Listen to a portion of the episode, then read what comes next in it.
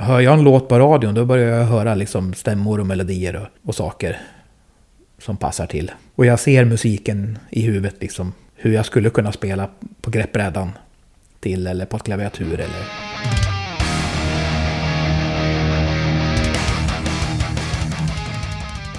Yes, torsdag och hög tid för Rockpodden. Hög tid även att eh, hugga tag i en av Sveriges absolut bästa gitarrister, Per Nilsson. Per har funnits i min vidare bekantskapskrets eh, extremt länge. Men det var väldigt länge sedan jag satt ner och pratade med honom ordentligt. Och han har haft en fantastisk karriär senaste åren. Dels såklart med sitt eget band Scar Symmetry, men han hoppade ju även med Nocturnal Rights för några år sedan. Och eh, sist men inte minst så hoppade jag ju in eh, och vikarierade för Fredrik Tordendal i Meshuggah 2017. Fram tills alldeles, alldeles nyss faktiskt. Det där ska vi prata massor om. Vi ska också såklart prata om Pers egna Strandberg-gitarrer och en massa annat eh, gitarrrelaterat som det blir när man har en världsgitarrist eh, hemma på besök. Nu kör vi igång! Du lyssnar på Rockpodden. Per Nilsson är veckans gäst. Jag heter Henke Branneryd och jag önskar dig en eh, god lyssning. Per Nilsson, varmt välkommen hem till mig och varmt välkommen till Rockpodden. Tusen tack! Hur är läget? Jo, det är bara bra. Härligt! Två timmar på E4. Ja, två timmar från Gävle. Mm. Mm, det är ju vår gemensamma nämnare. Precis. Du stod ju med på min absolut första lista innan jag startade Rockpodden. Mhm. Över liksom tänkbara gäster. Ja. Jag hade en liten lista med folk som ändå kände sådär. Folk som jag hejar på om jag möter dem på stan. ja. Men Sen sparar du mig i, i några år. Ja, jag har inte träffat på dig. Nej. Men eh, eftersom jag inte har lagt ner så är det perfekt att ha dig kvar. Ja, ja men precis. Man lär ju spara några guldkorn. Ja, verkligen, verkligen. Men, eh, ja, men ska vi börja med det? Du har ju varit aktuell här i dagarna på sociala medier. Ja, precis. Ja, eh, stora nyheter gällande Meshuggah. Mm. Ja, vi kan väl förklara för alla som inte vet. Du har ju spelat med Meshuggah i snart fem år. Ja, det beror lite på hur man räknar egentligen. För att jag, jag började ju turnera med dem 2017. Men jag gjorde sista turnén 2019. Ja, just det. Sen skulle jag ju turnera förra året, men det blev ju ingenting Nej. med. Men, men eh, det är inte förrän ganska nyligen som till slut beslutet fattades då att, att eller att Fredrik bestämde sig att nu vill jag komma tillbaka. Tordendal. Han, ja. han har ju varit liksom i, i sin, sin egen lilla, lilla bubbla. ja, precis. För du har liksom varit vikarie för honom. Ja, så, att, eh, så, så på det viset räknar man så så blir det lite längre. Men, Mm. Men hur, om vi fick reda på det i måndags eller något? Vi Mm. vanliga. När fick du reda på att... ja, kanske en månad sen eller något Ja, sånt. det är så pass nyligt. Ja. Fast det var ju inte som att jag liksom trodde att jag skulle fortsätta turnera längre fram. Det var mer att ingen kanske riktigt visste exakt var det skulle landa. Nej. Även om det, det kändes väl som att det lutade åt det här hållet. Så att det kom ju inte som någon chock eller så. Nej, ja, du, och du visste antar jag från dag ett att det här var tidsbestämt. eh, Ja, precis. Inhopp. Alltså det, de, de hörde ju av sig. Thomas ringde mig, eller han smsade mig december 2016. Så, här, Tjena, det är Hake. Jag kände ju inte honom, men... Så det kom lite från ingenstans. Ja. Eh, Skulle du kunna tänka dig att åka med på en turné?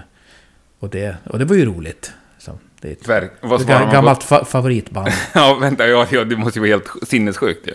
Ja. Alltså vad, vad svarar du och hur lång tid tog det innan du svarade på smset? Ja, först så tittade jag bara på telefonen och tänkte, jaha, konstigt. Men alltså, sen känns det som livet är sådär att det händer ju konstiga saker Mm. jämt. Ja.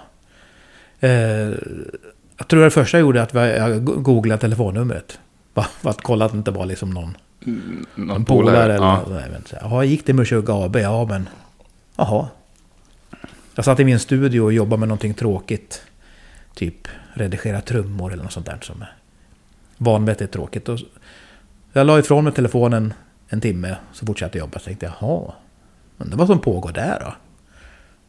Och så, sen svarade jag att ja, det kan jag väl göra. Det är coolt. Du provade ingen med låt innan du skickade liksom? Mm, nej, Bara så här kände lite om att, jo men det här fixar jag. Nej, det visste jag väl Det att jag visst, skulle ja, göra. för du är ju en extremt begåvad gitarrist, därav frågan såklart. Ja, Ja, det är inte så hemskt många i det här landet som kan ta det där jobbet. det vet jag inte. Nej, jag känner inte säkert, så många. det finns säkert många. Det finns säkert någon till, men inte, det är inte sk- skitmånga. Ja, det, det låter vi vara. Eh, ja, men vilken grej liksom. Jag Mm. antar att du också har varit med Sugar Fan sen, Sen 1994. ja, Destroy Erase. Ja, lite innan faktiskt. När de hade släppt EPn None. Okej, ja. Så var jag och kollade när de spelade i Gävle på, på Lettings. Mm. För 30 pers eller vad, vad det kan ha varit.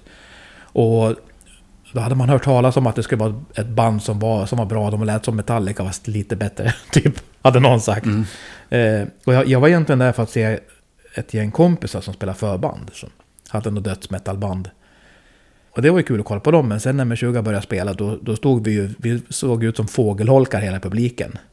Det var ingen som, som kunde förstå vad som hände. Det var ju liksom det mäktigaste man hade varit med om. ja. Och min... Alltså då var jag... Jag var typ 20 då. då och hela min... Mitt liv då... Min tioåriga git- gitarristkarriär som jag hade då. då alltså, så hade ju jag gått från att gilla hårdrock till att börja lyssna på så här fusion-gitarrister. Och dödsmetall och det som hade kommit då. Så jag gillar liksom två olika världar med liksom jazz fusion och, och extrem metal. Och så kliver upp ett band som liksom har en fot i varje värld. ja. Och jag liksom kände, jag, höll, jag blev ju helt knäckt. Det var det bästa jag hade hört. Ja. Typ.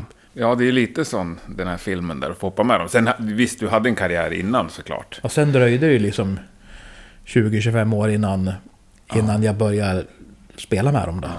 Men kommer du ihåg liksom första repet, första gigget? Och första repet, ja de, de, när jag hade fått frågan då, de hade ett par turnéer kvar som de skulle göra med Fredrik. Och så sa de att du kan väl komma ner liksom någonting i februari eller vad det kan vara och, och köra.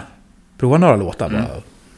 Så får vi känna på det här då. Så, ja, så då frågade jag liksom, ja men skicka några låtar liksom, som jag kan börja kolla på. Så fick jag ja, en bunt låtnamn. Så jag lärde mig väl fem låtar.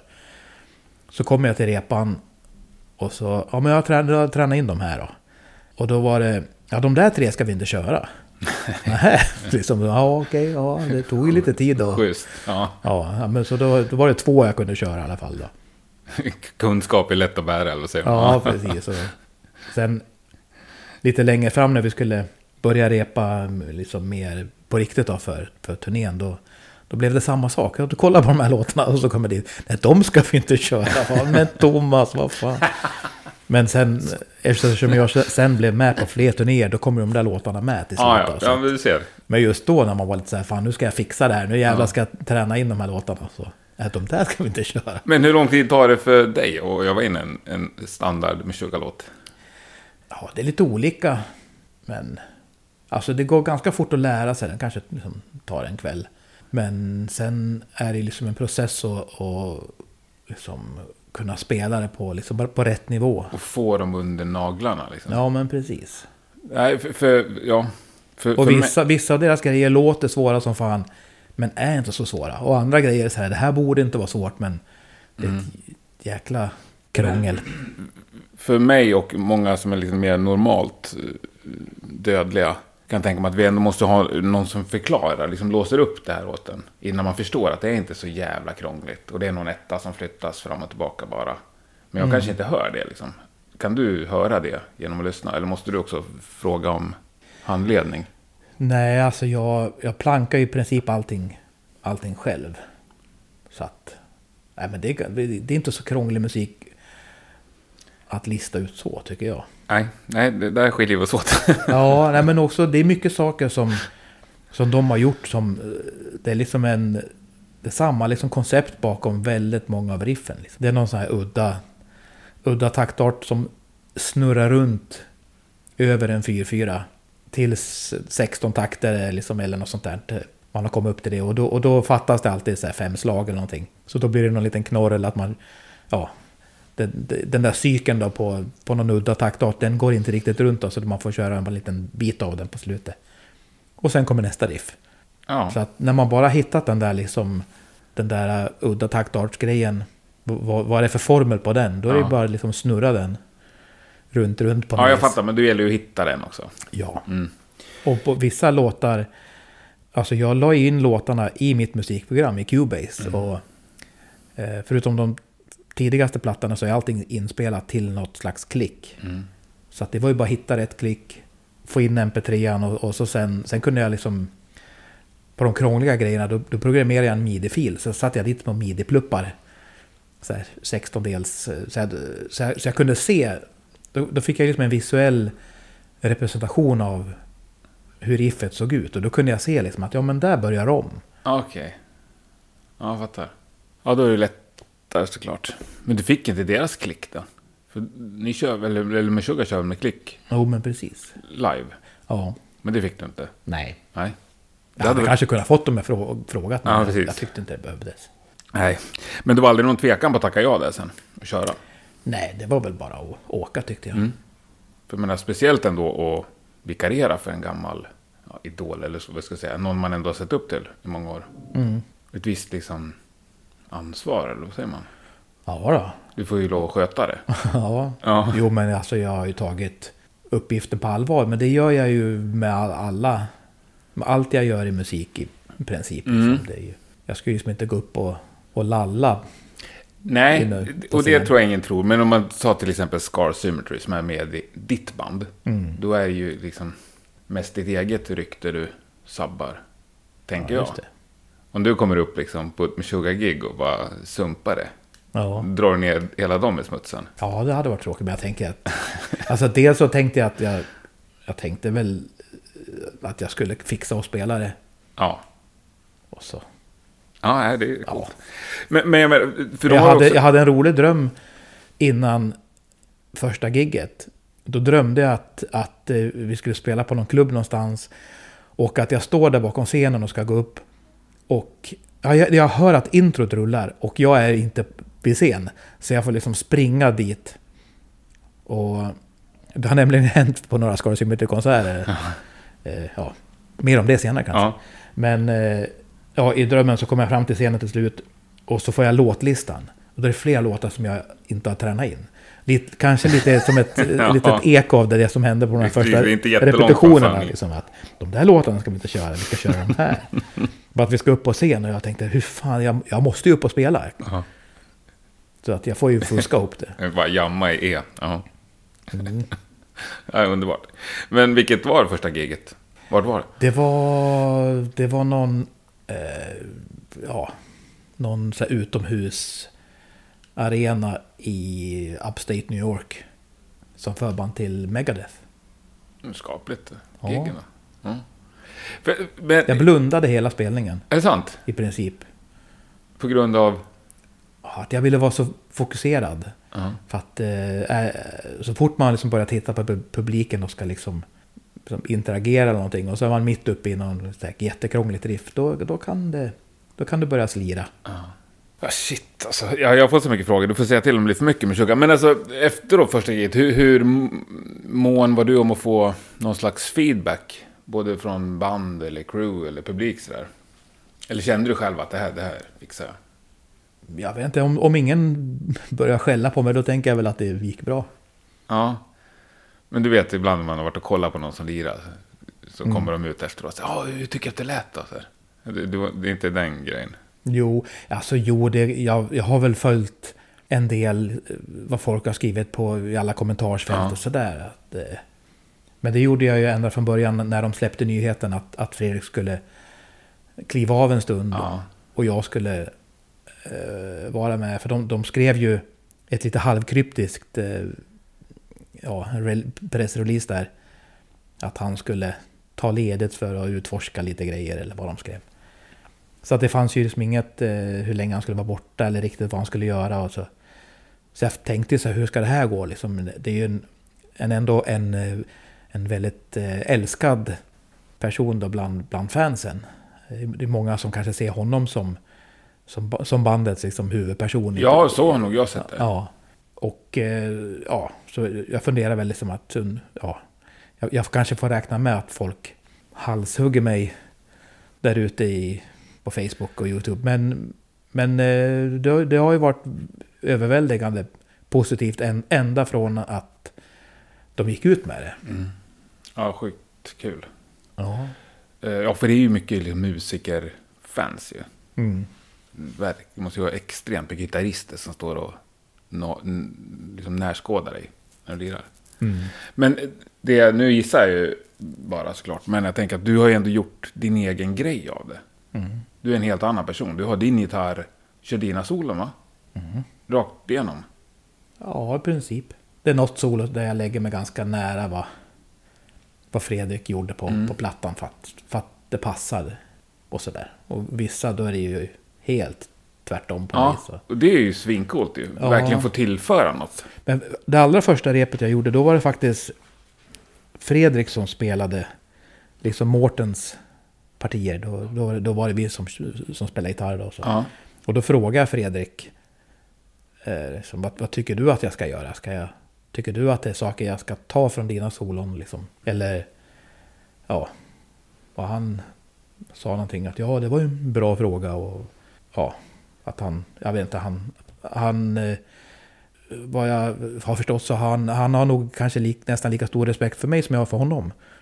Så han, eh, han tyckte att jag absolut skulle köra det jag som gjorde. Nej, det är Och då tänkte jag, då gör jag väl det. Till, så får de väl säga till om det, det ska vara något annat. Ja, Men det är ingen som har sagt någonting. Nej, det måste ju vara grymt härligt ju. Att få göra det. Mhm. Inte bara komma upp och kopiera saker. Nej men precis. Nej, fan vad kul. Grattis.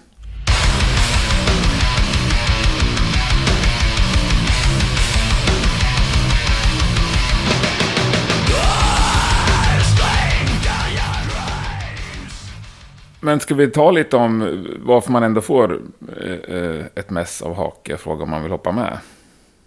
Det är inte bara på grund av att man är snygg liksom. Mm. Eh, Scar Symmetry är väl det som de flesta har känt igen dig ifrån, antar jag. Och det har du gjort mest med, i flest år och flest gig och sånt. Precis. Även om jag som gammal Gävlebo har helt andra referenser. Mhm. Ja. Legia och Adversary, heter det så? Un- ungdomssynder. Mm. Men vi börjar med Scar Symmetry. Eller var du med och startade det? Ja, 2004. För det, det är folk som har varit på mig om att, vet jag snackade om Avesta i något avsnitt och då fick jag skäll att hur jag, jag inte kunde nämna Scar Symmetry när jag pratade om Avesta band liksom. Mm. Och det förklarar ju saken, jag har aldrig sett det som ett Avesta band. Nej, alltså vi, vi bildades i Avesta kan man säga. För jag och Henrik Trummisen, vi hade ett band som åkte till Jonas Källgrens studio Mm. och spelade in en platta 2004. Och, eh, och Jonas han var ju sedermera då, gitarrist också då, i Scar Symmetry. Så att eh, vi, vi var väl ute och krökade en kväll och började Mm. prata om att bilda ett band, så här, som man gör när Mm. man Lätt är ute och svirar. Ja. Men, men eh, den här gången så blev det faktiskt ett band och, och vi började spela in. Och han hade ju en studio. Så det var ju liksom bara att köra på en gång nästan. Mm. Och Så- Henrik, han är också Sandvikare väl? Ja, precis. Du ser. Han var väl också med i dina gamla dödsband? Ja, precis. Vi har ju lirat ihop sedan vi var Ja. 15 eller något sånt. Ja. Ja, men vad händer med Scar Symmetry? Ni är aktiva fortfarande? Mm. Eller blev det en lite naturlig paus när du hoppade med med Suga, eller? Ja, precis. Ja, vi har ju hå- hållit på och jobbat med en ny skiva i kanske fem års tid. Oj. Ja, Mm. Du kan ju tro att jag är trött på att prata om det. ja.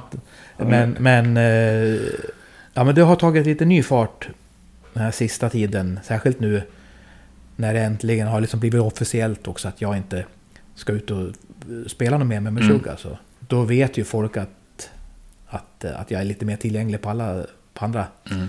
håll och kanter. Så de, de, de första som hörde av sig, det var ju skivbolaget. Scar Symmetrys skivbolag? Ja, precis. Ja. Det är samma skivbolag som Meshuggah. Ah, okej. Så de, de hade ju förhandsinfo på Mm. vad som var görningen. Så de skickade ju e-mail på en gång så här. Will you restart Scar Symmetry? Men hur går det med plattan? Hur ser det ut? Ja, den är nästan klar. Den ska, Nästan den ska, klar? Ja, den ska mixas. Ja. Och så är det ett par solon som fattas. Men kommer den ut under 2021? Det hoppas jag. Ja. Så, här, vi, har, så vi har precis börjat prata om när den ska släppas och, och lite sådär. Ja, coolt. Ja, och det är väl ingen, eller känner ni, förutom skivbolaget känner stress då, men som det är nu så är det ganska soft. Mm. Ni kommer i alla fall inte ut och lira något så att säga. Nej, troligtvis Nej. kan det dröja lite till. Men, för jag menar, du har väl också en personlig karriär, vad ska man säga? Gitarristkarriär. Eh. Ja, ja. Hur stor del tar det jämfört med liksom banddelen? Det är lite olika, olika perioder. Men eh, alltså jag har, har ju under ganska lång tid gjort så här gästsolon till andra band. Får, Mm. får mycket sådana förfrågningar. Mm. Och någonstans längs vägen så börjar jag producera och spela in andra band lite grann. Och mixa och, och sånt. Vilket är inte någonting som jag, som jag har gjort i någon jättestor utsträckning. Men det har ändå varit det som en sidogrej. Och sen 2011, nej 2013, så släppte jag min instruktions-DVD. Mm. Jag spelade in den 2011. Men, och, och den, den känner jag, den satte mig kanske lite på kartan som en, som en, liksom en gitarrist. In, inte bara den där killen i det där bandet, utan en, ja. Det, det kanske gav mig liksom lite legitimitet och sådär. Inte, Ja, verkligen. Ja, och då... Och jag, och jag började åka i, i den vändan så började jag åka på, på lite sådana olika eh, musikmässor. NAM show i Mm. Kalifornien och musikmässor i Frankfurt. Och började liksom träffa massa andra musiker och företag. Och, Men då när ma- man är på sånt, när du är på sånt, är liksom för att promota någon gitarr eller någon stärkare? Är det liksom vem ja, men i, ja, i början då åkte jag dit bara för att... som privatperson ja, så att säga? Ja, eller jag var, jag var inbjuden av, av Ibanez Mm. första året. Och så har du någon slott i deras monter där du sitter och lirar lite. Eller funkar sånt där? Eh, ja, jag hade, det hade jag inte då, men sen... Ja, jag åkte ju dit lite som inbjuden av Ibanez, men när jag var där så träffade jag Strandberg. Mm. Träffade Ola Strandberg på Strandberg Guitars. Och, ja, och han ville bygga en gitarr till mig, så vi, vi drog igång ett samarbete. Som vi fortfarande har. Så att efter det så har jag börjat åka på de här grejerna för Strandberg. Och då, och då har jag gjort sådana saker att jag, har- jag har suttit i någon monter och, och demat gitarr. Och, Dina gitarrer liksom? ja, precis. Mm. Jag gjorde en del grejer med Randall eh, i några år också. Dema stärkare för dem. Ja, den där världen vet jag ingenting om. Men vi backar lite till den här instruktions-DVDn. Inspelad i Chicago, va? I Boston. Boston. Ja, du ser, då har jag hört, då är jag felinformerad. Ja, Ja, men det är rätt kontinent. men eh, berätta. Det är också jävligt häftigt liksom. För Ja. mig. Det, det är så vi, långt. var, ja, men vi, ja, vi var på USA-turné med Scar Symmetry i 2010. Och då blev jag inbjuden att göra en intervju med en sajt som heter Guitar Messenger. Som gör massa intervjuer och Mm. masterclasses och sånt. Så då åkte dit och, eh, och filmade en eftermiddag med dem. De bjöd på öl. Och vi hade jättekul. Eh, sen kom jag tillbaka till gigget pruttfull. Mm. Och ja, roligaste gigget på hela turnén. Ja. Men i alla fall. Tyckte de i bandet det också? Eh, ja, de blev nog lite oroliga för, för jag, jag kom så här tio minuter innan vi skulle upp och spela. Ja, dyngrak. Ja. fan är det? Ja. Nej, det bru- jag, det är sällan jag är så slirig när jag ska spela, men Ja. ibland så dras man med. Det är ju inte riktigt ölrock heller. Måste ändå... Nej, det är lite, skärpa ska man väl ha kvar. Ja. Mm. Ja, men sen hörde de, de killarna av sig då ett halvår senare någonting. Och så här, vi skulle vilja göra en, en instruktions-DVD med dig. Och då det var väl bara att tacka ja, Ja. tänkte jag. Mm. Så att eh, då flög jag dit en vecka då och filma. Och fick sitta och prata engelska. Ja. Så det är ju, vill, man, vill man också få en uppvisning i knacklig så här, mus, mu, musikspråksengelska. Då kan man ju köpa min DVD. Men är inte det lite charmigt? I alla fall när man liksom lirar Håll käften-gitarr. Ja, kanske. kan ja, men det, var- det var det de sa när jag sa liksom att vad fan förlåt att Ja. jag pratar så här. För att det är inte som att jag är jättedålig på engelska. Men när man ska sitta och förklara saker på, liksom på fackspråk. Ja. Så man, man har kanske inte tänkt på vad, vad de här grejerna heter på, på, på engelska. För att när jag snackar engelska så är det mer liksom vardagsspråk när man är ute och turnerar. Så Mm. plötsligt ska man prata om skalor och sånt. Vad fan heter det här på engelska? Så vad heter en kvint på engelska? Ja, just det, det är det. Och, och, att, att då sitta och göra det när kameran rullar. Ja. Så att han, han fick ju göra ett enormt arbete med att klippa bort alla såna här... Uh, uh, Ja, nej, men det, det jobbar jag också med att klippa bort. Ja, precis. Där fick du några som... Ja. Just den här måste jag spara. Men eh, gjorde du liksom själva manus och liksom la upp ett upplägg? Själva den pe- pedagogiska biten liksom? Ja, egentligen inte. För jag är sån där som... Jag tycker det är jättetråkigt att sitta och förbereda saker. Ja. Så jag flög dit med en gitarr och så tänkte jag, jag skjuter från höften. Så, här, så han som var regissör, han blev lite stressad. Att vi inte hade någon plan, men, men det, det blev bra i alla fall. Ja. Coolt. På vilken nivå började det? Alltså jag tycker att jag börjar på ganska låg nivå, men Ja, folk, Yngve folk tycker också. att det är för svårt. Ja.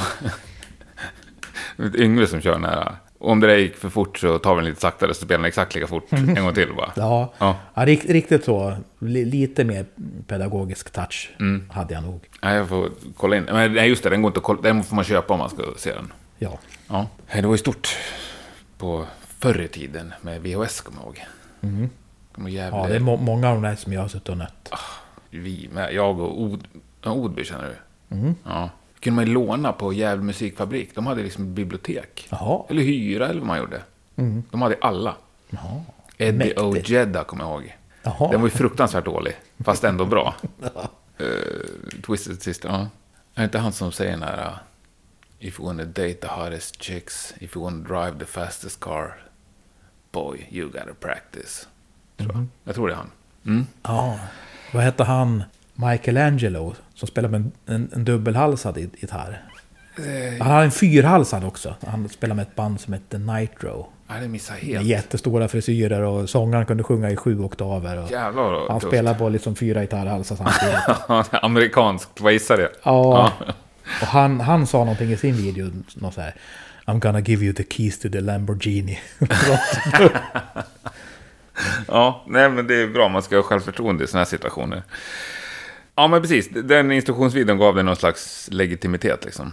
Och då åka runt på sig gitarrmässor och så. Det blir jävligt mycket gitarrsnack antar jag. jo du. Mm. Hur många av dem som du möter liksom är rena fans? Ja, ofta på de här mässorna så är det ju inte riktigt öppet för allmänheten. Nej. Utan det är ju liksom en branschmässa. M- musikmässor, de, de hade ju... Jag tror att de hade att sista dagen var liksom public day. Så då kunde man ju träffa lite folk. Mm. Men annars är det liksom eh, likasinnade, eller vad man ska säga. Ja, men precis. Mm, och, det, och det var ju mycket därför jag åkte och träffade liksom folk från andra band. Och, och särskilt den här NAMM-mässan, för det är ju liksom det är ju långt över 100 000 pers där.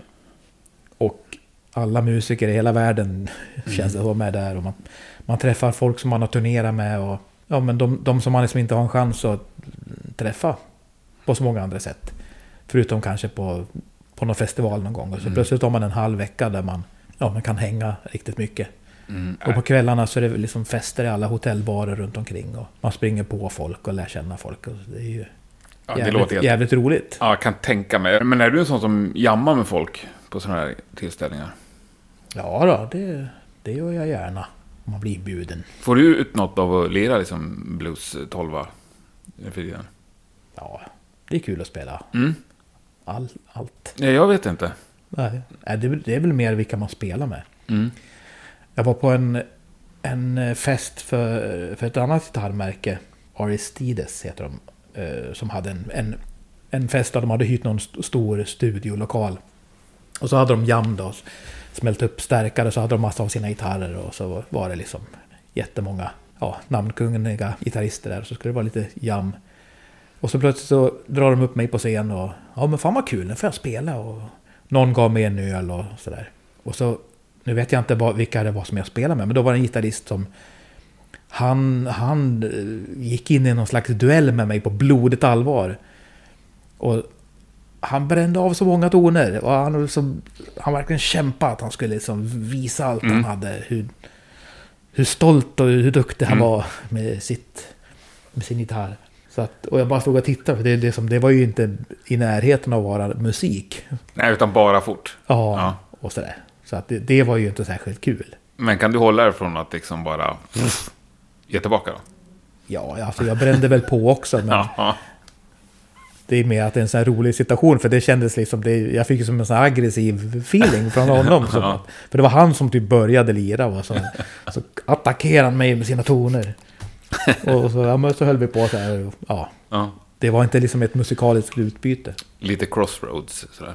Ja, sådär. Men sen, sen eh, när, när vi var klara då klev det upp en kille som heter Timo som spelade med ett band som heter Delane. Som eh, en jävligt duktig gitarrist. Och då plötsligt så blev det liksom ett eh, musikalisk interaktion. Han, han spelade någon grej och så följde jag upp det med en fras och så slutade det med att vi typ stod och spelade i stämmor. Och då, då blir det plötsligt liksom roligt. Mm. Och vi spelade väl så fort vi kunde också mellan varven men det, det var ju inte bara det. Och, och, och då såg man ju på de som var där och tittade liksom att det, det plötsligt blir någonting som kanske berör lite och sådär. Det blev något, ja. Ja, schysst.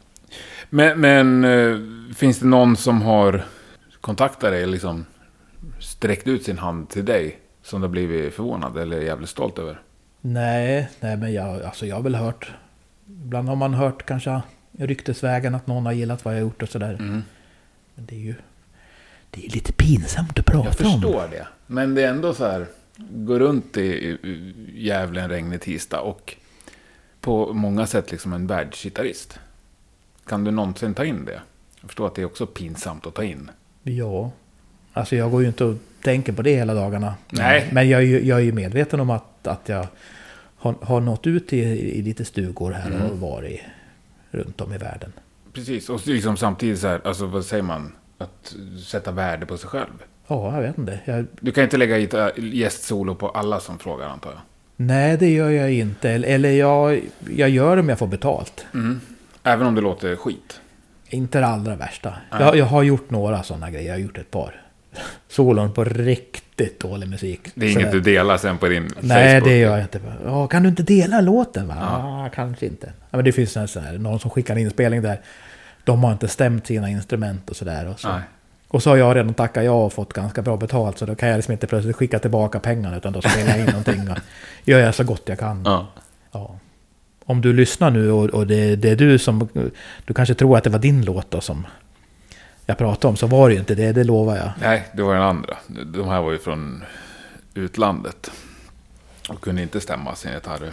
Men liksom, får du mycket gitarrister som hör av sig också? Frågar om råd och... Mm, ja, det hände, det hände väl. Vad är, ro- vad är flest frågor om? Liksom spelet eller tekniken? Det är nog mest spelet tror jag. Ja. Du har inte heller nischat dig som någon som superfokad på pedaler och strängar och stärkare eller? Nej, det är nog nästan tvärtom. Ja. Att jag har aldrig varit särskilt liksom, intresserad av sånt. Jag har ju kompisar som, som vet vad alla slutstegsrör heter. Mm. De, liksom, de vet att byter jag en, den här kondingen då blir det sånt här ljud. Och de Mm. vet så här. Jag vet inte ens vad det betyder. Nu sa jag bara några ord som jag hört talas Ja, om. men det, lå- det lät som saker man har hört. Ja. Ja. Ja men och det har aldrig varit intress- jag har aldrig varit intresserad av det. Det är lika med att jag, att jag, att jag har börjat här spela in och mixa grejer till folk. Det, det gör ju jag för att idag är det så lätt och man kan ju koppla in en sladd i datorn och så har man gitarren där. Mm. Och jag tycker om att, att, att ratta ljud i, i datorn i, när man har så här mjukvaruförstärkare. Men att hålla på och dra sladdar i en studio och, och micka upp saker så här, det är jag inte så förtjust i.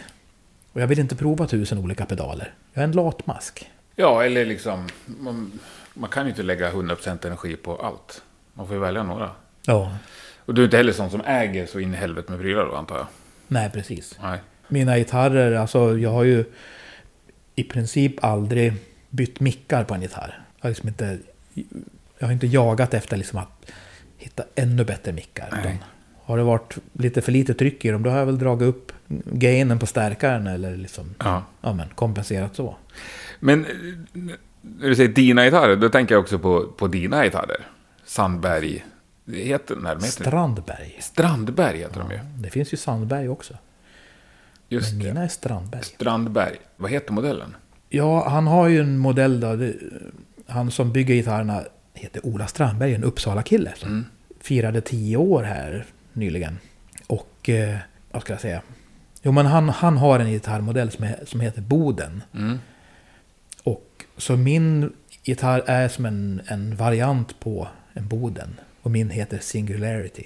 Och den finns också i massa olika utformningar. finns ju två utför, utföranden. Det vi precis har släppt är liksom den andra, andra versionen av gitarren. För att den första som vi släppte 2014. Då fanns den bara tillgänglig som sjusträngad. Och då fanns den i en lite billigare ver- version också. Men nu har vi släppt en sjusträngad och en åttasträngad. Som vardera bara finns i, i, en, i en version då. Bara med True Temperance, eller vad heter det? Precis. Ja, inga raka band. Inga raka band. Nej, precis. Nej, okej, men då finns alltså samma modell fast det inte är en Singularity, så att säga. Ja. Vad, vad kostar en Per Nilsson-gitarr? Den sjusträngade kostar 40 000 kronor. Och den åttasträngade kostar 41 000 kronor. Bara en tusenlapp till för en Ja. sträng, det är inte farligt. Nej. Men liksom den säljs. Ja, den sålde slut på en gång. Och hur många ex gjordes den i? Ja, det vet jag inte. Nej. 30 kanske. Jo, men det är ändå någonting Ja. ju. Ja, sjukt coolt. Mm. Vet du någon som lirar på den? Ja, jag har kontakt med några som har, Mm. som har köpt den. Så, som liksom lirar ute eller? Inte bara Ja, hemmasittare? ja det, är, det är nog några som... Det är ing- ingen som är någon sån här superkändis. Nej. Men det är nog också kanske att det kanske inte... De som är kända, så här, de vill ha sitt eget... Ja. Eller sådär. Kanske inte vill spela på någon annan artists signatur gitarr. Nej. Men, men du sa att du hade kontakt, kontrakt med Ibanez innan. Mm. Men där hade du ingen signaturgitarr? Nej, precis. Bara rent spont liksom? Ja, jag fick gitarrer direkt från liksom, produktionsledet. Mm. Här, och det var ju jävligt nice. För jag, jag fick ju en deal med dem 2007. Och då hade inte vi liksom gjort så himla mycket med, med Scar Symmetry. Och men jag, jag sprang på deras här artistkille när vi spelade i, första gången i Los Angeles. Mm. Så var han där för att kolla på huvudbanden tänker jag mig. Och så var han i, i logen så passade jag på. Du, Ibanez. Lirade du Ibanez då också? Ja, precis. Ja. Det hade jag gjort sedan urminnes tider. Ja. Så att det, det var ju, då så var ju det liksom en, en dröm som gick i uppfyllelse på något vis. Ja, det är väl de flestas gitarristers dröm att. Ja. bli sponsrad av sitt gitarrmärke. Och sen, men sen när jag träffade Strandberg och eh, han byggde en gitarr till mig och, och vi började prata om att göra en signaturmodell, då var det ju bara, då var det ju en, ytterligare en... Ja, det är next level. Ja, jag menar, några år tidigare så hade jag, var ju drömmen att få en med Ibanez, men... Nej, det är ju lite coolare och att det är liksom lite hembyggd ändå. Mm, Liksom närodlat. Men det ser ju allt speciell ut. ja, precis. Eh, Är det, vad är det din önskan? Tycker Alltså- du själv att den är snygg? Ja, Ja. ja, jag tycker den är skitsnygg. Särskilt den, den, nya, den nya ver- versionen av den. Mm. Men när jag träffade Ola Strandberg 2013 och, och provspelade hans gitarrer så var jag, blev jag liksom väldigt intresserad. Tänkte det här är ju liksom... De är ju coola, de är ju skitsköna att spela på. De, Ja. de har ju liksom... Alltså det är en speciell look. Liksom, tycker man att en gitarr ska se ut som en Les Paul då, då kanske man liksom kräks lite i munnen. Mm. Men jag har liksom alltid varit lite intresserad av det som sticker ut lite och är lite mer modernt kanske. Mm. Så jag är inte någon traditionalist. Nej. Nej, men så jag, jag blev nyfiken, men i början så var, jag- var jag lite grann så att det kändes liksom lite väl. Det är ju en skaplig tröskel att gå över Ja. och ta bort huvudet och liksom...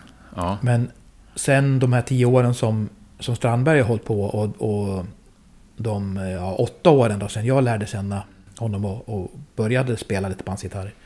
Så har ju det, liksom hans märke har ju gjort en, en resa också. Då var det liksom några, det fanns några kända gitarrister som, som spelade på hans gitarrer då. Chris Letchford och Tosin Abasi och några till då som eh, syntes med dem. Men nu är det liksom, nu är det ett av de stora märkena. Liksom alla gitarrister som spelar i liksom så här prog, prog metal-sfären, det är, Är det som så? alla spelar i Strandberg. Det är ju som Ja, jag, det är ju, det är ju, svin, det är Ja. svinstort. Jag vet inte hur många gitarrer han säljer, men det, det sprutar ju ut gitarrer från fabriken.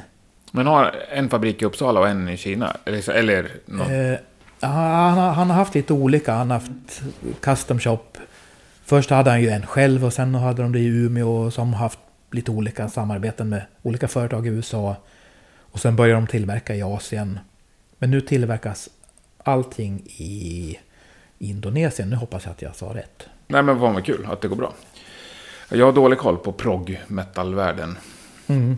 Men det- att vara framåtlutande, liksom, när det kommer till gitarrer och musiken också antar jag.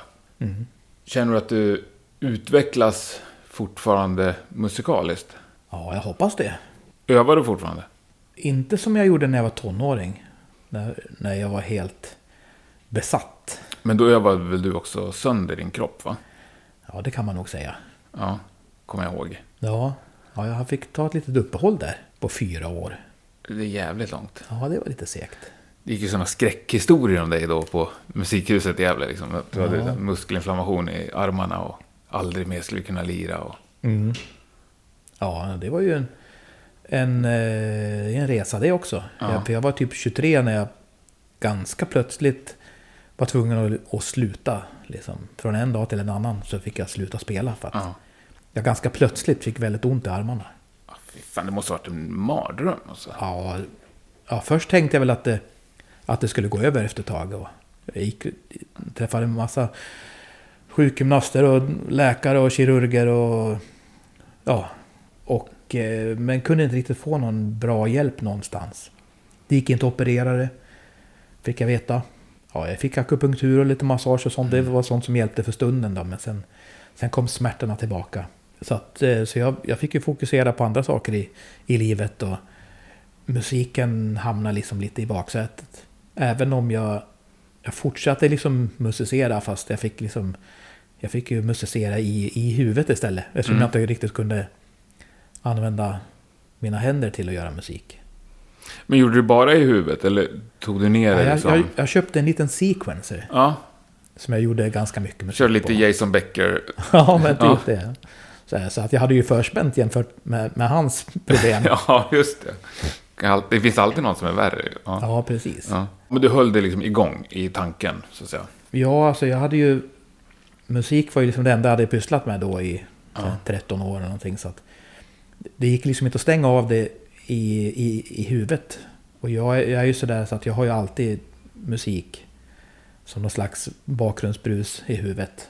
Så att eh, hör jag en låt på radion då börjar jag höra liksom stämmor och melodier och, och saker som passar till. Och jag ser musiken i huvudet liksom. Hur jag skulle kunna spela på greppbrädan till eller på ett klaviatur eller, eller sådär. Som en, in, Ja, så som en intern representation på något vis. Ja. Och det har jag väl förstått att kanske inte alla tänker så. Nej. Men det var, det var lite intressant därför att jag var ju tvungen... Musiken hamnade ju där då för mig.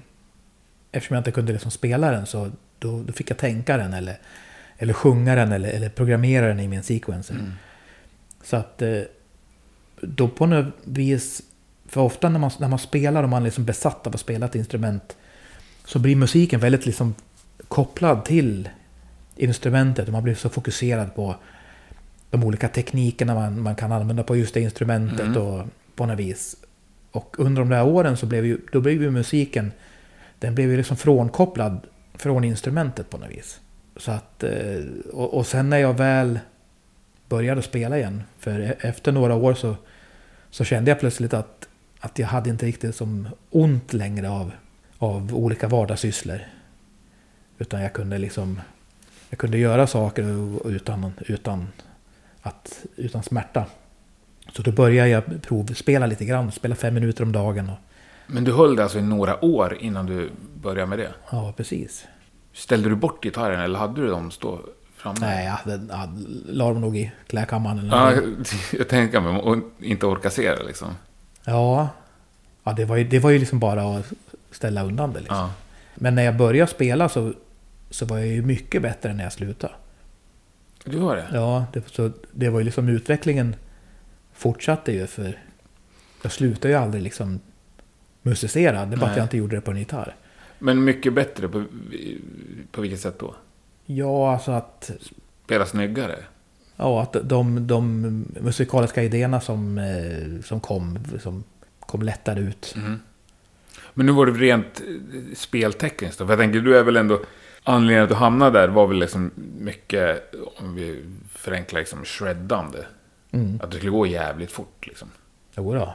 Eh, Och det, det, när jag var i, i, i tonåren, då var ju det ett mål att man Ja, skulle liksom... det, det var för, för många. Ja, Ja. Ni var ett helt gäng i Gävle där som var jävligt många duktiga gitarrister, vill jag minnas. ja det var lite, det var lite så här tävlings, Verkligen. tävlingsinriktat. Ja. Som, som sig bör tycker jag, när man är, är i den åldern. ja. Men där du var väl snabbast? eh, Alltid liksom? Ja, det är möjligt. Ja, jag tror det. Men, nej, men så det, det tog väl en liten stund då att komma, komma tillbaka liksom rent motoriskt. Men det tog inte så jäkla lång tid heller egentligen. Nej. Och, och någonstans där så mycket, liksom, det mesta av musiken det sitter ju på något vis i huvudet. Ja. Men nu för tiden, är du helt bra eller förhåller du dig till det där fortfarande? Det gör jag kanske på något sätt, men det är nog också att jag är ju inte intresserad av att sitta med en metronom fem timmar i sträck längre. Nej, men jag tänker om du kanske i studion sitter och gör gitarrpålägg, då kan du, timmarna gå liksom. Ja, ja men det, det brukar inte vara någon större fara Ja, faktiskt. skönt. Däremot om jag sitter väldigt länge med, med tangentbord och mus så kan Mm. man ju få ont Mm. lite, lite här och var. Men det känns nästan som att det inte är riktigt samma grej. Ja, vad skönt att det är bra. Men, ja, men du säger att du fortfarande övar. Vi- vi- Vilken del, liksom, vad är det du utvecklar fortfarande? Alltså egentligen så är det väl så som de där åren när jag inte spelade. Så som hjärnverksamheten, tankeverksamheten tickar ju på ändå. Så att jag utvecklades under de, under de åren och det har ju naturligtvis fortsatt sen dess. De Mm. snart 20 år som har passerat sedan jag började liksom kunna spela igen. Mm. Så alltså man snappar ju upp saker överallt. Hör jag en låt och så eh, jag hör någon, eh, någon läcker ackordgång eller någonting så då, då infogas ju det på något vis i, i min repertoar. Mm. Så att det, man är ju som en någon slags musikalisk svamp. Ja, spännande. Har du absolut gehör? Nej, Nej. men jag har ganska bra gehör. Mm. Så det är inte alltid att jag måste, jag måste inte alltid sätta mig med gitarren och planka någonting för att lära mig det. Vissa saker trillar ju in i alla fall. Mm. Eh, Men men det är som du sa, liksom, när du hör musik, att du tänker liksom, stämmer och... Gäller det all musik? Ja, Även liksom AC/DC? ja alltså det, är ju- det- är ju inte kanske alltid att jag... Alltså jag lyssnar ju på musik och, och, och njuter av det utan att liksom blanda in min Ja, egen kreat- så, kreativitet. Men, men ändå, det, det, det finns ju hela tiden där Mm. som någon liten backdrop. Men eh, liksom... Eh, får du ut någonting av att lira AC/DC eller Dio nu för tiden? Gör du någonsin det? Ja, det vet jag inte. Nej. Alltså, att, att jag, spel, det är ju inte, jag har ju som ingen sammanhang där jag skulle som spela men covers. i någon replokal bara för skojs skull liksom. Men När, när det är kaffepaus med Scar Symmetry. Smälla av ett par Dio-låtar.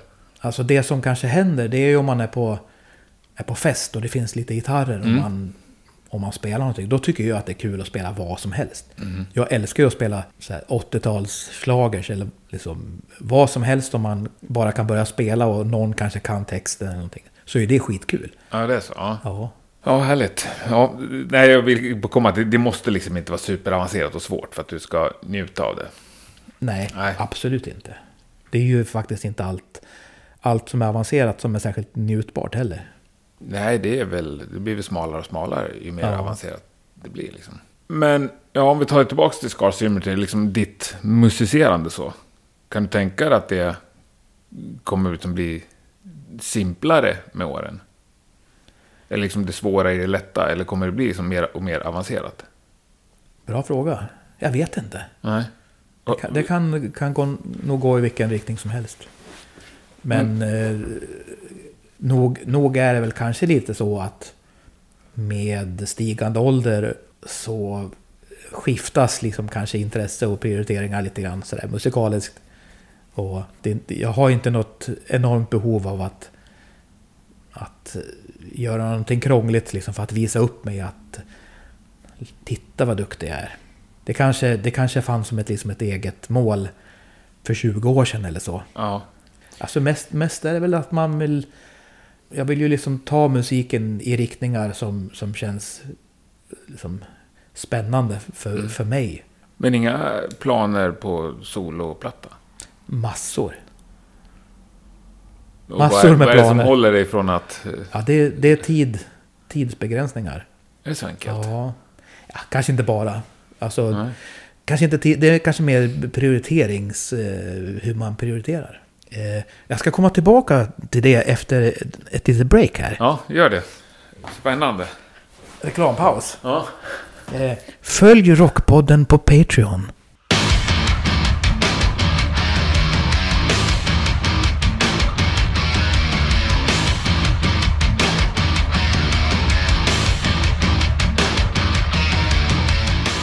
Vill inte lämna kvar den här i bilen. Nej, fan kompisen. Jävlar, Jag får snygg. provspela lite. Uff. Känns ju skitexklusivt. Stränghöjd 0,001 millimeter. Ja, precis. Det måste ju vara drömmen för en shreddare. Men hur mycket väger den? Ett och ett halvt kilo? Ah, Ja, den är nog över två, men ja. inte så mycket mer. Väldigt smäcker och fin. Och det här var ju, jag trodde att det här var målat där röda, men det är det ju inte. Nej, Det står på alla. Att det är liksom trät. precis. Ja. Och den, den förra modellen den hade en sån här swirl finish. Ja, När man do, doppar den i. det är nog det jag blandar Ja. ihop. Tror jag. Ja. Eh, men så vi, vi hade en sån då som... Den, den var ju också läcker. Eh, för då, då blir ju ingen gitarr blir den andra lik. Nej. Men sen så bytte vi fabrik. Och den nya fabriken de kände inte att de eh, kunde leverera tillräckligt bra sådana. Och då ja, var det dags att prova något annat. Ja, det här är ju svinsnygg. Kom vi på det där. Ja, jag ångrar mig. Den är ju skitcool ju. Eh, vad var det du skulle återkomma till då? Efter pausen. Mer om det efter pausen sa du. Ja, vad pratar vi om? Soloplatta. Ja, Om du ändå tänker, finns det liksom ett projekt någonstans? Nej, det finns Nej, inte det ens gör- en mapp inte i någon dator in, på, en, på en gammal hårddisk. Ja, det är mer en, eh, det är mer en känsla Mm. i, i mitt huvud. Den känslan, säger den liksom fusion jazz eller säger den shredding? Ja, lite, lite av varje. Mm. Säger den sång eller instrumentalt? Ja, både och. Ja. Ja, men jag, jag har som... Det som jag går och, fnular på då, angående om jag skulle göra ett soloprojekt. Eftersom jag är sån där som tycker om att pyssla med lite allt möjligt musikaliskt. Och har ett behov av det. Och särskilt på senare år så har jag också fått möjligheten att, att göra olika saker. För att jag har haft Scar Symmetry men sen började jag ju spela med Nocturnal Rights också. Mm. Och sen med Suga. Och jag gör massa gäst... Ja, gästsolon och sånt. Eh, Så har det varit jättekul. Men om jag då ska göra en sologrej. Då skulle jag ju vilja liksom sprida ut mig ännu mer. Och då är, då är liksom tanken att... Att ha det som någon slags programförklaring. För vad soloprojektet ska vara. Att det ska vara liksom en slags hur som helst grej. Mm. Ja. Ja, det är spännande. Och sen...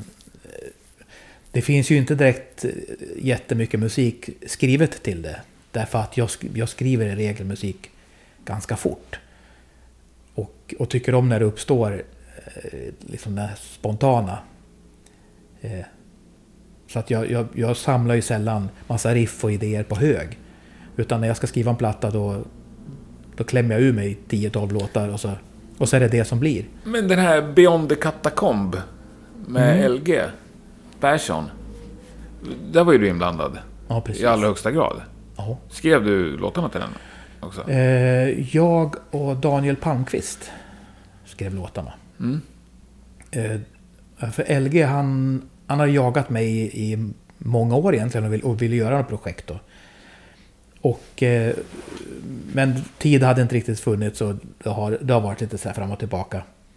Men så när vi till slut skulle göra det då sa jag att, eh, att ja, men det lät kul och jag kan tänka mig att, skriva sådär. Men jag vill, jag vill inte liksom vara huvudgitarrist i projektet. Jag skulle, vill, ville då mer vara producent och, och, och inte bära hela liksom låtskrivarlasset och gitarrspelet själv. Mm. Så då tog jag in Daniel då som är en begåvad gitarrist och Ja, låtskrivare. verkligen. Jag tycker den plattan är skitbra. Mm. Men den försvann ju ganska obemärkt förbi. Ja, För det är, ju, det är ju tyvärr så. Det är en sanning som många som släpper skiva Ja. får... Äh, Den, den plattan har, det är mycket bra låtar Ja. där.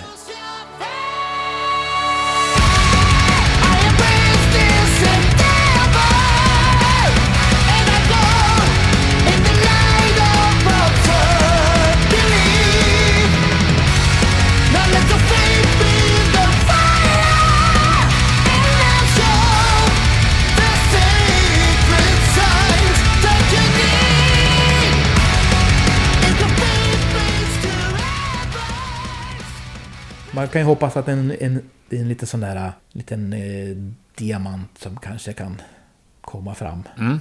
så småningom. Men har du fler sådana projekt du varit inblandad i som du är stolt över? Som inte folk riktigt har hittat till tror du? Jag gjorde en platta med Finn Searler för några år sedan.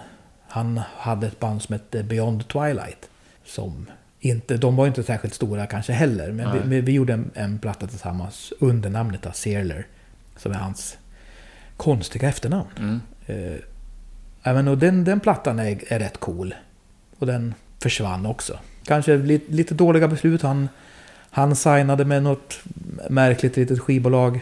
Tackade nej till en annan deal med ett, ja, med ett skivbolag som skulle passat bättre. Men som kanske erbjöd ett litet mindre förskott. Och det är svårt att veta innan hur, var, var det ska landa. Ja, verkligen. Och det är svårt. Det går inte att säga hur man hade gjort så, hade man gjort så, hur det hade gått liksom. Mm. Det är bara att ta det för vad det blev liksom. Men det här med att jag varit sugen på att göra andra grejer. Mm. Det var ju någonstans där 2016. Då hade jag ju då 12 år bakom mig med, med Scar Symmetry. Och, och började känna att fan skulle jag göra något, någonting annat också. Mm. För Scar Symmetry, vi blev ju aldrig ett heltidsband. Utan alla har ju liksom haft andra verksamheter. Mm. Visst, några av oss har haft vanliga jobb och någon har kört studio. Ja, men det var lite olika varianter. Eh, och så har vi spelat i, i perioder. Och jag kände att jag, jag vill börja göra något, jag vill göra något mer. Så och, och så satt jag och tänkte, fan det skulle, vad kul det skulle vara om något annat band hörde av sig. Men jag bara kunde kliva på något annat band. För jag har haft så mycket ansvar i Scar Symmetry och sköta business och skriva låtar. Och liksom, jag roddar väldigt mycket av, av verksamheten. Mm. Och det, det är ibland en väl stor börda på mina axlar. Så jag längtade efter att få göra någonting där jag bara kunde spela. Ja, mer eller mindre.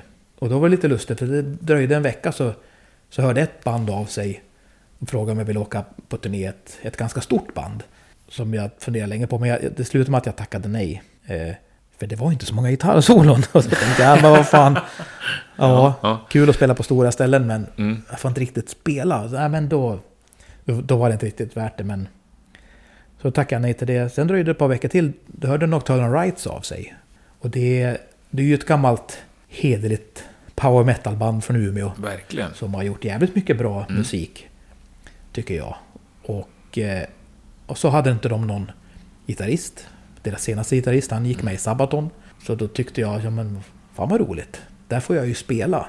Det är ju sån här gitarrhjältemusik. Så då, då fick jag ju liksom min eh, önskan uppfylldes ju där. Mm. Sen två veckor senare då får jag sms från Thomas Hake. Du! Det är otroligt, så, nästan för bra för att vara sant. Ja, så det var lite lustigt där. Mm.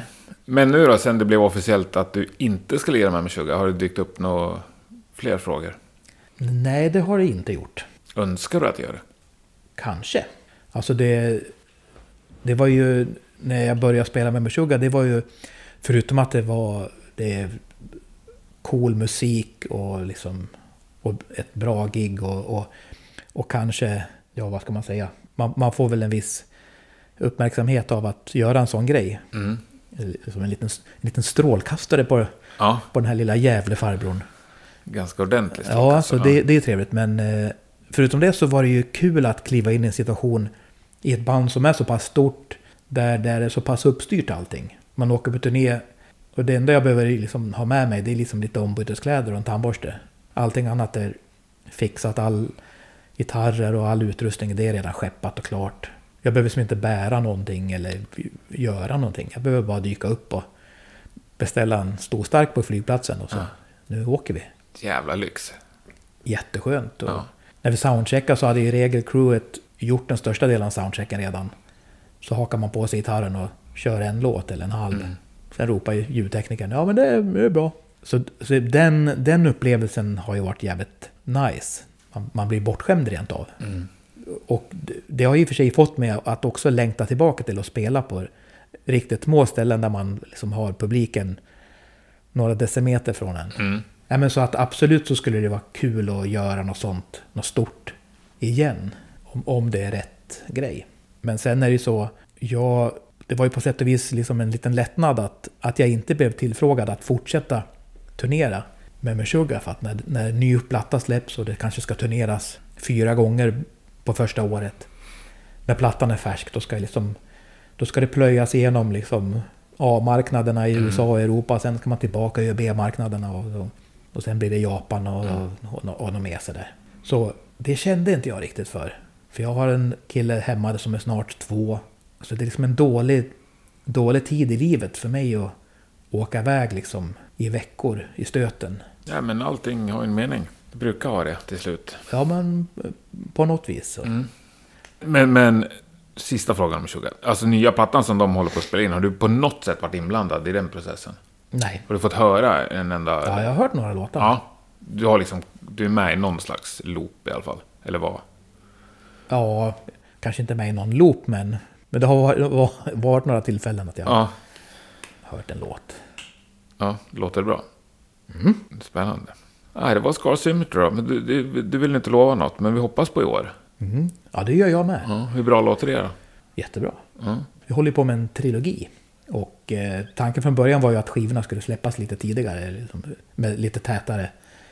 ja, för det var ganska länge sedan förra. Ja, 2014. Ja, det är ett tag sedan. Ja. Mm. eh, ja men så det, det var liksom tanken, men sen blev det inte så. Men ja, jag hade en plan från början att varje del i den här trilogin då ska skilja sig lite från den, and den andra. Då. Eh, och den här del nummer två, den är ju lite som Rymdimperiet slår tillbaka. Den är lite mörkare och lite... Ja, det här är ju referenser som inte säger mig något. Jag har inte sett en sekund inte? av det här. Nej, inget. Jaha. Jag vet att det är, eh, tänkte säga Sagan om ringen, men det är ju inte. Det är ju den andra. Eh, Star Wars. Rymdimperiet. Ja, nej, ja, det, det, det säger mig... Alltså, jag har inte sett... nej. Nej. nej, men det är väl... Det är många som tycker att eh, den filmen är den bästa av dem. Mm. Och de, de där filmerna, de är lite... Varje film har ju liksom sin liten egen karaktär på något vis. Mm. Eh, så att, ja, det är en jävligt grund jämförelse för att det är ju, liknar ju inte på något vis. Men, men, ja. men den, den första plattan vi släppte, den är ju ganska proggig och, och melodiös på något vis. Mycket syntar och grejer. Och så kommer den här plattan nu som, ja, det kanske känns lite mer gitarrfokuserad ganska mycket hårdare. Coolt. Så det är mycket mer blast beats. Ja, det ska kunna passa mig lite bättre. Ja, Ja, jag har svårt när det blir för melodiöst. I, det, det, i kör till och med lite, fall. med lite sån här äh, HM2-pedal på en del riff. Jävlar vad tufft. Ja, Ja. lite, lite motorsågsljud. Ser jag fram emot. Men du, jag ska släppa vidare. Stort tack att du tog dig hit. Sånt lyx för mig att bara kunna vara hemma och trycka på rec. Ja, Mm. och jag ska åka ut i Stockholm och sprida smitta tänkte jag säga. Nej, det ska jag inte göra. Nej, vad ska du göra? Vill du berätta? Jag ska träffa min gode vän Daniel Palmqvist. Ja, du ser. Han, häl- han hälsar så gott. Ja, hälsa tillbaka. Vi sprang ofta på varandra förr i tiden. Mm. När man var och kollade på band och kunde dricka öl på lokal och sådär. Ja, just det. Men nu var det, nu var det ett år sedan jag såg han. Mm. Mm. Eh, Men jag hoppas det snart blir igen. Trevligt. Mm.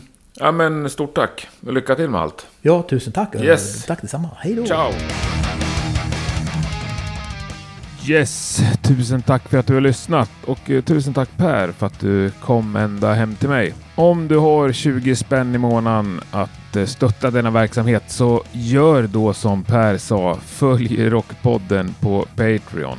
Det är helt magiskt med alla er som gör det, men eh, det finns gott om plats för fler. Nästa torsdag då är Rockpodden tillbaka med en ny gäst.